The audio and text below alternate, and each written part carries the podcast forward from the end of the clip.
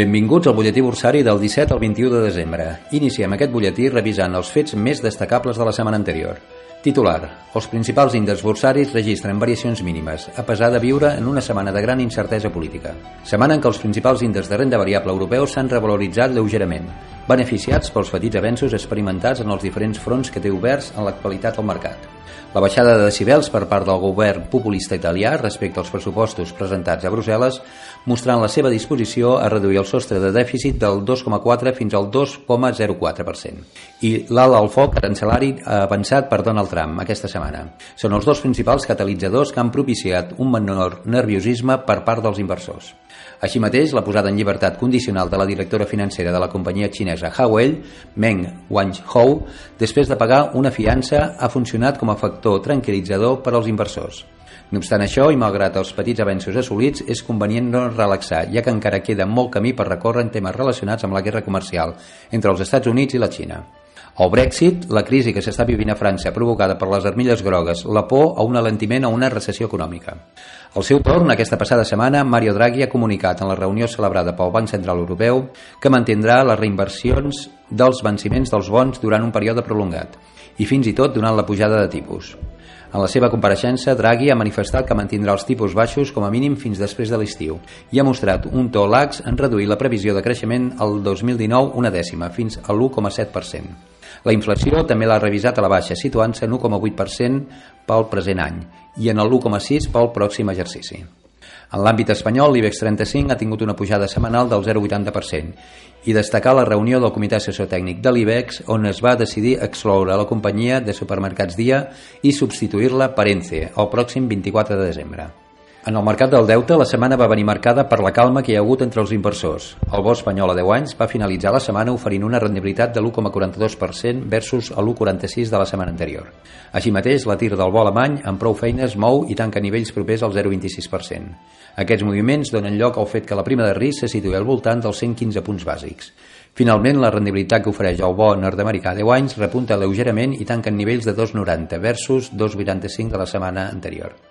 En el mercat de petroli el, el preu retrocedeix posicions aquesta setmana, cotitzant a 60,65 dòlars al barril, davant el 61,70 de la setmana anterior.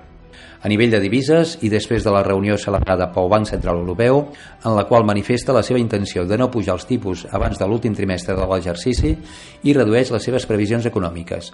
L'euro retrocedeix posicions enfront del dòlar i finalitza a nivells propers a l'1,13, enfront de l'1,138 en què va tancar la setmana anterior. Passem ara al resum dels principals índexs bursaris. Barcelona Indescat, una variació setmanal positiva del 0,51%, situant-se als 19.562 punts i la variació anual seria negativa del 4,92%. Mercat espanyol, l'índex IBEX 35, un increment setmanal del 0,80, situant-se als 8.886 punts. La variació anual seria negativa de l'11,53%. Eurostock 50, un increment setmanal de l'1,17%, situant-se als 3.094 punts. El mercat francès, el CAC 40, un increment del 0,83%, mercat alemany, el DAX 30, un increment setmanal del 0,80%, o mercat anglès, el FTSE 100, un increment setmanal de l'1,05%, i el mercat italià, el FTSE MIP, un increment setmanal de l'1,03%.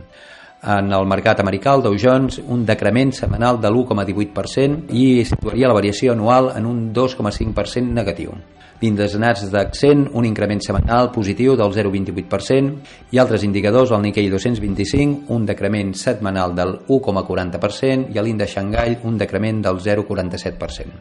Passem ara a les notícies empresarials destacades.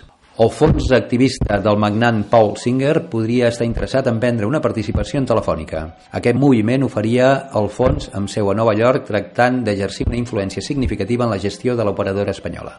Tot i que la situació del tipus d'interès en negatiu continua deteriorant el seu compte de resultats, la banca espanyola avança en el tercer trimestre del 2018 en matèria de resultats, en guanyar 4.000 milions d'euros sent el millor trimestre en els últims 9 anys i triplicant els beneficis aconseguits en el mateix període de l'exercici passat. Les palanques que han fet possible aquesta millora són la millora dels ingressos per comissions, el descens de les provisions després de la neteja soferta pels balanços i per les menors necessitats de cobertura i els controls de costos operatius. La variable que presenta major marge de millora és el marge financer, és a dir, el diferencial entre els ingressos per la inversió creditícia i el cost dels dipòsits. Segons ha reconegut la Comissió Nacional del Mercat de Valors, les entitats Unicaja i Liberbank exploren una integració. Aquesta integració passaria per realitzar una fusió i una posterior ampliació de capital per part de l'entitat resultant. Per tal de tractar de minimitzar l'import d'aquesta ampliació, les dues entitats financeres podrien estar plantejant desprendre's d'algunes participacions financeres. La capitalització conjunta d'Unicaja i Liberbank ascendeix actualment a 3.200 milions d'euros, aproximadament.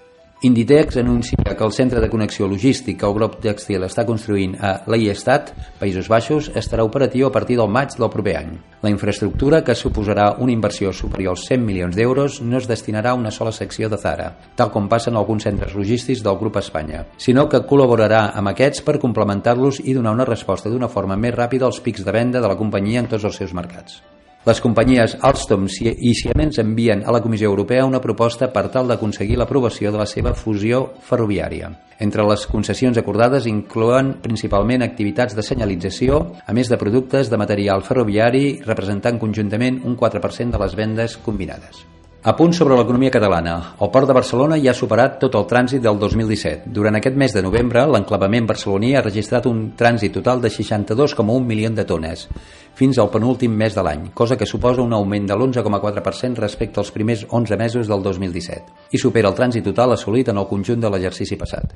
Els contenidors, un dels seus trànsits més estratègics, també ha superat el global del 2017, al novembre, amb 3,1 milions de contenidors de 20 peus, un 15% més respecte al mateix mes de l'any passat. Finalment, passem als fets destacables per aquesta setmana. Setmana molt intensa en xifres macroeconòmiques, pendents als Estats Units dels deflectors de preus de novembre, de la segona revisió del producte interior brut del tercer trimestre i de les xifres de desembre de l'enquesta manufacturera de Nova York i de la confiança de la Universitat de Michigan. A Europa el focus estarà en la publicació de l'enquesta IFO, Alemanya, a l'IPC de novembre a l'Eurozona i al Regne Unit i el producte interior brut del tercer trimestre a França i al Regne Unit. Al Japó serà el torn per conèixer les dades de novembre de l'IPC i de la balança comercial. Aquest és l'últim informe bursari d'aquest any 2018 i esperem un 2019 basat en un cicle econòmic sòlid, recolzat en els resultats empresarials. S'espera un benefici per acció del 9%, en un entorn de desacceleració del creixement però amb una inflació controlada. S'espera una normalització molt gradual de les polítiques monetàries. En aquest context mantenim la preferència per la renda variable. Els retorns esperats en renda variable no estaran absents de volatilitat davant la normalització monetària i l'evolució de riscos sobre creixements i polítics una volatilitat que podrà ser aprofitada al llarg de l'any. El present informe d'anàlisi bursari està basat en informacions de caràcter públic, especialment de les webs oficials de la Borsa de Barcelona i de la Borsa de Madrid. Jordi Conca, director dels estudis d'ADE del Campus Manresa.